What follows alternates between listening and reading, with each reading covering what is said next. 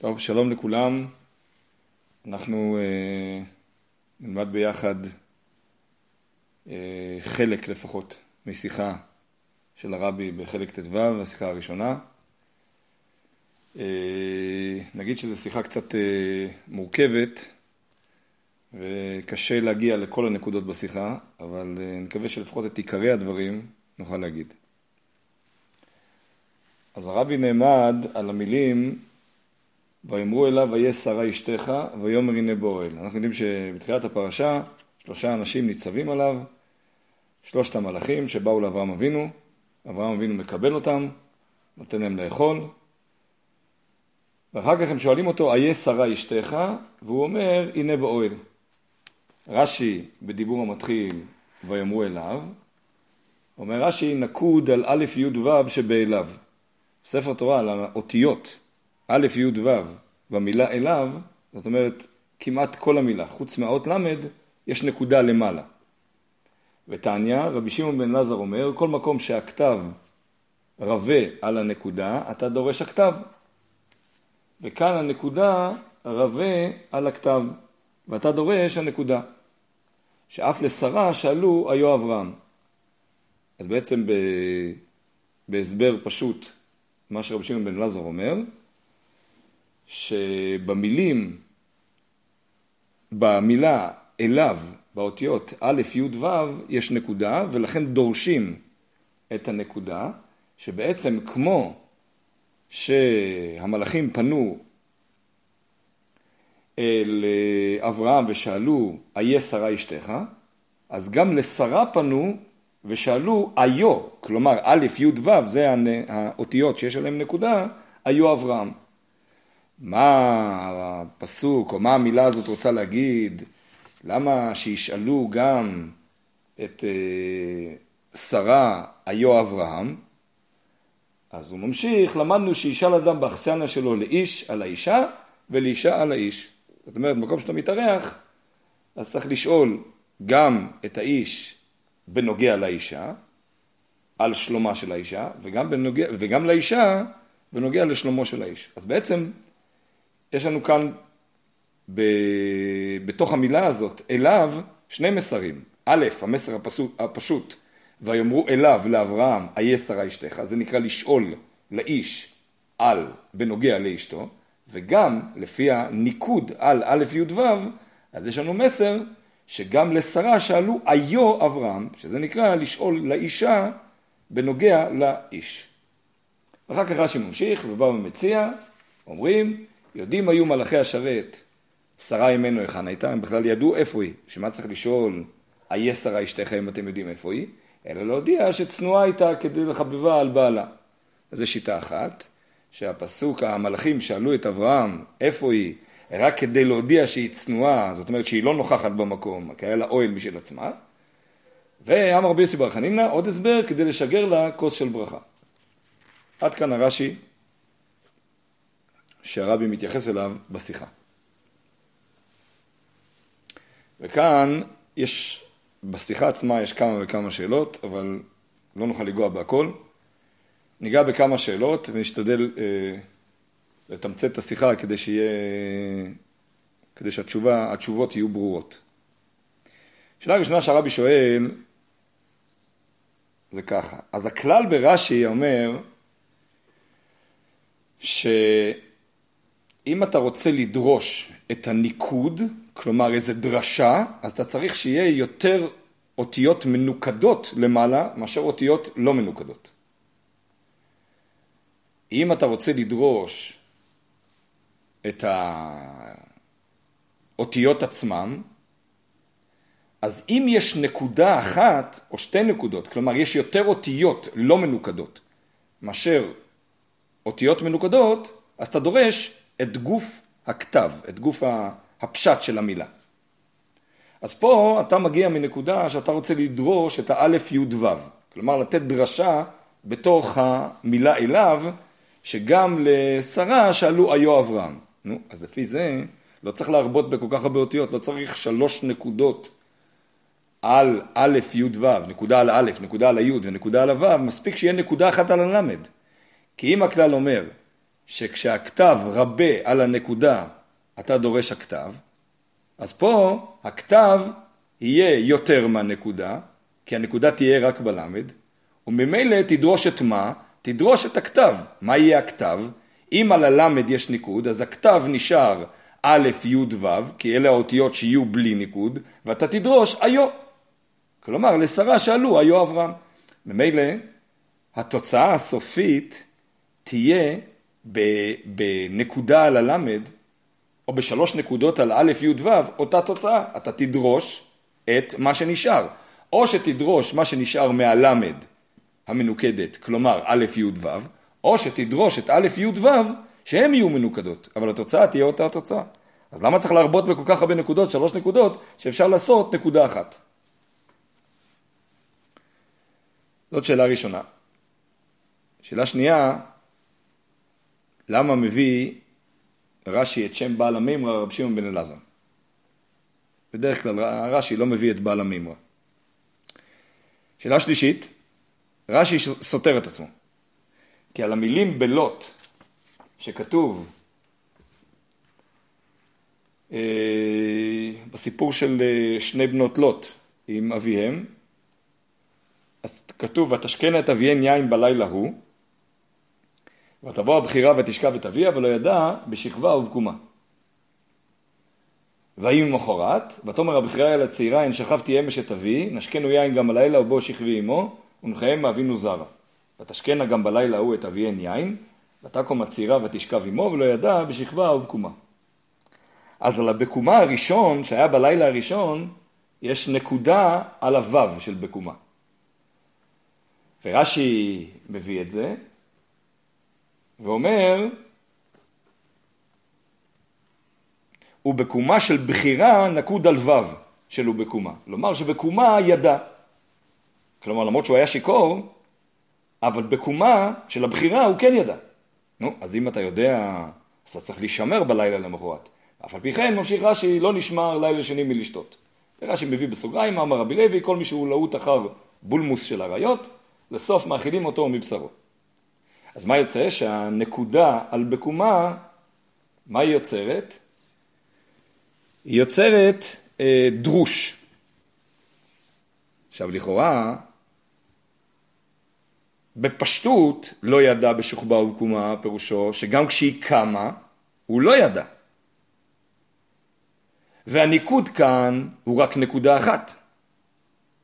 אז לפי הכלל הזה, שאמרנו מקודם, שברגע שהכתב רבה על הנקודה, רבה על הניקוד, אתה דורש את הכתב. אז אם אתה דורש את הכתב, אז לא ידע בשוכבה ובקומה. ופה באה נקודה אחת, שהיא מיעוט, היא לא הרוב, והפכה לפי רש"י את כל המילה. הוא כן ידע בקומה. איך אפשר שנקודה אחת, שהיא המיעוט, תהפוך את הכל? הרי הכלל אומר שברגע שהכתב רבה על הנקודה, אתה דורש את הכתב. אז זאת הייתה שאלה שלישית. שאלה רביעית, נחזור לרש"י אצלנו, שרש"י אומר, בסופו למדנו שישאל אדם באכסניה שלו לאיש על האישה ולאישה על האיש, ואחר כך מביא את בבא מציע, שבעצם שרה אימנו להודיע שצנועה הייתה, כדי לחבבה על בעלה. לכאורה רש"י סותר את עצמו.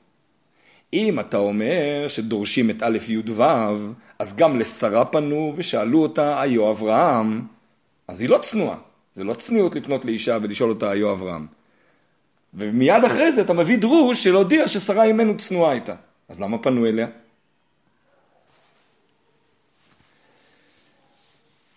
אז הרבי מתחיל בביאור.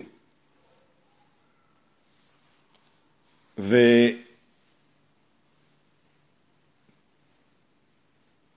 כדי לבאר, אז נתחיל בביאור דווקא על השאלה האחרונה, על השאלה של הצניעות של. של אה, שרה.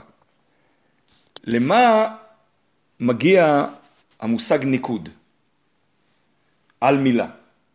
שוב, בספר תורה מנקדים על מילה למעלה, למה? בשביל מה? אם אתה רוצה למחוק את המילה לגמרי, כלומר אתה רוצה שהניקוד יעקור את כל המילה, אז אל תשתמש במילה בכלל. למה יש מילה שמנגדים אותה למעלה, אם אתה רוצה למחוק אותה? אז ודאי שלא רוצים למחוק אותה. אלא שמה עושה הניקוד? בלשון של הרבי, הניקוד מחליש את המנוקד, כלומר את המילה. למשל, אתן הרבי דוגמה, יש את המפגש בין יעקב לעשו בפרשת וישלח, אז כתוב, וירוץ עשו לקראתו ויחבקהו, ויפול על צוואריו וישקהו, ויבכו. אז על המילה וישקהו נקוד. נקוד על וישקהו לומר, ושם רש"י מביא שני סברות.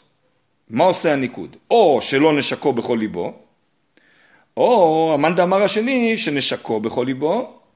למה? כי נחמרו רחמיו. כי באופן כללי בהלכה ידוע שעשו שונא ליעקב, אבל כאן נחמרו רחמיו באותה שעה, בלשון רש"י.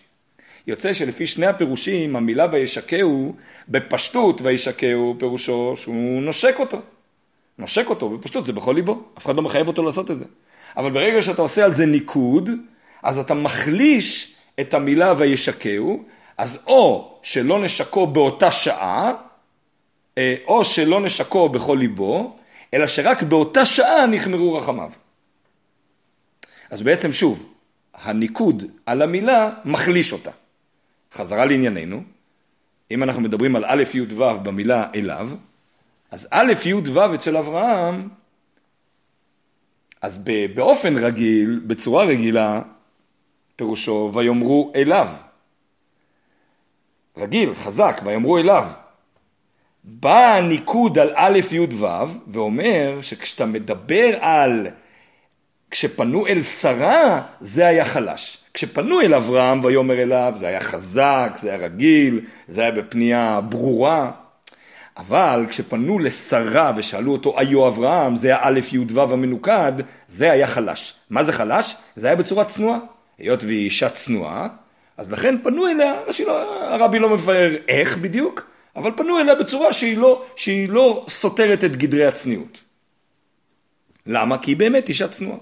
ולכן אין סתירה בין שתי החלקים ברש"י, כי באמת פנו אליה, אבל עדיין היא נשארה צנועה. ולכן זה הנקודות על א' י' ו' שמחלישות את הפנייה. לכן אומר הרבי, ובזה אה, הרבי חוזר לשאלה הראשונה, למה הניקוד הוא לא על הלמד? למה? כדי להדגיש שהפנייה לשרה הייתה דווקא באלף י' ו' כי זה בחלישות ובצניעות. אם, אם הנקודה הייתה על הלמד, לא יכולת לדרוש את החלישות על הפנייה. לכן מדגישים שהנקודה, הנקודות היו על האותיות א', י', ו', כי דווקא האיו שפונים ל, ל, לשרה ושואלים איו אברהם, זה היה בחלישות. כי היא הייתה אישה צנועה, כמו שאמרנו מקודם. שאלה שתיים הייתה, בנוגע לסתירה מילות. סליחה, שאלה שלוש. הייתה בנוגע לסתירה מילות, שבלוט יצא שהניקוד על המילה עקר את המילה לגמרי. כי בפשטות, כמו שאמרנו, זה לא ידע בשוכבה ובקומה, בא הניקוד ועקר את כל המילה לגמרי. וזה ניקוד של נקודה אחת. אז פה הרבי מבאר ככה, הרי בנוגע ללוט כתוב, כמו שציטטנו מקודם, ויהי ממחרת ותאמר הבחירה אל הצעירה, הן שכבתי אמש את אבי, נשקנו יין גם, בל... גם הלילה, ובואי שכבי עמו ונחיים אבינו זרה. לכאורה, אם הוא ידע בקומה, כלומר אם נלך על אה, מה שרש"י אומר, שבקומה ידע, אז מה הפירוש נשקנו יין גם בלילה?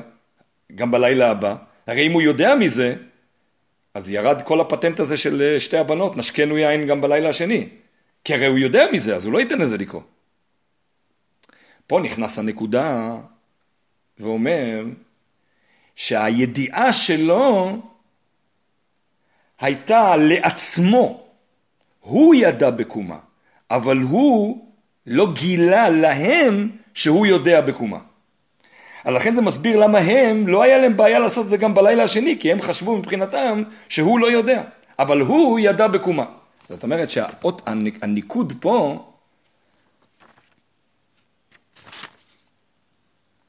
לכן הרש"י מתעכב על הנקודה הזאת, מה?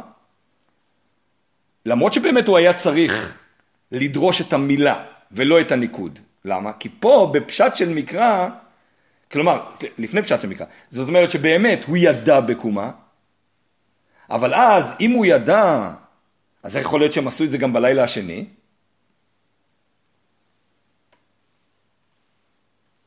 אז פה מסביר הרבי, בעצם תיווך. מצד אחד, הנקודה הזאת במילה בקומה עושה בעצם תיווך. מצד אחד, הוא ידע, מצד שני נשאר גם הפסוק. אפילו אחרי הנקודה, לא אומרים שהנקודה עקרה את כל הפסוק. כי חייב להיות שיישאר הפסוק שבלא ידע בשוכבה ובקומה, ולכן הם עשו את זה גם בלילה השני. אבל הנקודה נתנה איזה מקום לחשוב ולהגיד שהוא כשלעצמו כן ידע בקומה. אז אפשר לתווך את שני הדברים, גם הוא ידע, גם הם נשארו לא יודעות, ונשאר גם הדרוש וגם פשט הפסוק. אחר כך אמרנו שיש את העניין הזה של בעל המימרה. מי אמר את כל האמרה הזאת ברש"י? אמר את זה רב שמעון בן אלעזר. למה רש"י מביא את שם בעל המימרה שם? אז פה הרבי מביא שתלמיד ממולח יכול לשאול שאלה, איך יכול להיות ששלוש אותיות, א', י', ו', שהן רוב המילה של אליו, יהיו בטלות לאות ל', שהיא העיקר במילה.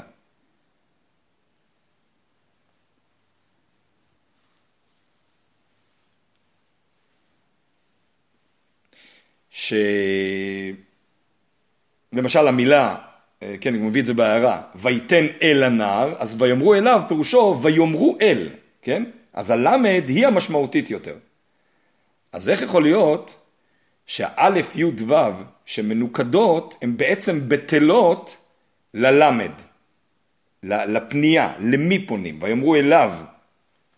אז פה הרבי מביא את שם בעל המימרה, שזה רב שמעון בן אלעזר. שמעון בן אלעזר אומר, מסכת ביצה, ממלאה אישה כל התנור פת, מפני שהפת נאפת יפה בזמן שהתנור מלא. כלומר, ביום טוב אפשר לאפות, למלות את כל התנור בלחם, למרות שאתה צריך רק כיכר או שתיים בשביל יום טוב. למה? כי כשתנור יהיה בו רק כיכר אחד, אז הוא לא יהיה יפה מספיק טוב. אבל אם אתה ממלא את כל התנור בפת, אז גם אותה פת שאתה צריך נאפת יותר טוב. יוצא שריבוי של פת היא למעשה תפלה לפת האחת שהיא הפת של יום טוב. ככה גם פה שלושת האותיות א', י', ו' באמת בטלות ללמד. זה בנוגע לתלמיד ממולח. אז לכן מביאים את שם בעל המימרה שהתלמיד ממולח ימצא פה תשובה לשאלה שלו איך יכול להיות ששלוש אותיות בטלות לאות אחת לאות למד. מה ההוראה בעבודת השם, אומר הרבי? בדיוק מהעניין הזה של מה שציטטנו במסכת ביצה, שצריך, שאפשר למלות את כל התנור פת בשביל פת אחת של יום טוב, אז, אז הרבי לומד מזה הוראה בעבודת השם. אדם יכול להתעצב בליבו ולהתבונן על היום שלו ולראות שרוב היום שלו הולך על עסקי חולין. פרנסה, אכילה ושתייה, שינה, שיחה וכולי, כל הדברים. ומילא מגדיר את זה הרבי שיש הרבה חלל ומקום פנוי שלא מנוצל לתורה ומצוות. אז לכאורה ליבו יכול להיות כבד עליו, איך יכול להיות שריבוי של היום הלך לענייני אה, רשות ורק מיעוט של היום מנוצל לתורה ומצוות. אז באה ההוראה מה, מהמסכת ביצה הזאת, שאם דברי הרשות הם לשם שמיים, אז הם כבר לא דברי רשות, אלא הם הופכים להיות כמו תורה ומצוות. ממלאה אישה פת את כל התנור בשביל פת אחת של יום טוב. כל היום שהיה בעסקי חולין הוא כדי שייווצר מצב של זמן מסוים שבו אנחנו משקיעים בתורה ובמצוות. אז יוצא שדברי הרשות התקדשו, השתדרגו והפכו להיות בעצמם תורה ומצוות. הרבי מסיים שזה עצמו יהיה הכנה לזמן שלא נצטרך בכלל אפייה, כי עתידה ארץ ישראל שתוציא גלוסקאות וכלי מילת, כלומר דברי אפייה מתוקים וטובים וגם כלי מילת בגדים, שזה כמובן יהיה בגאולה השלמה. השם יזכנו ויקמנו, שנזכה לגאולה האמיתית והשלמה במהרה בימינו, אמן.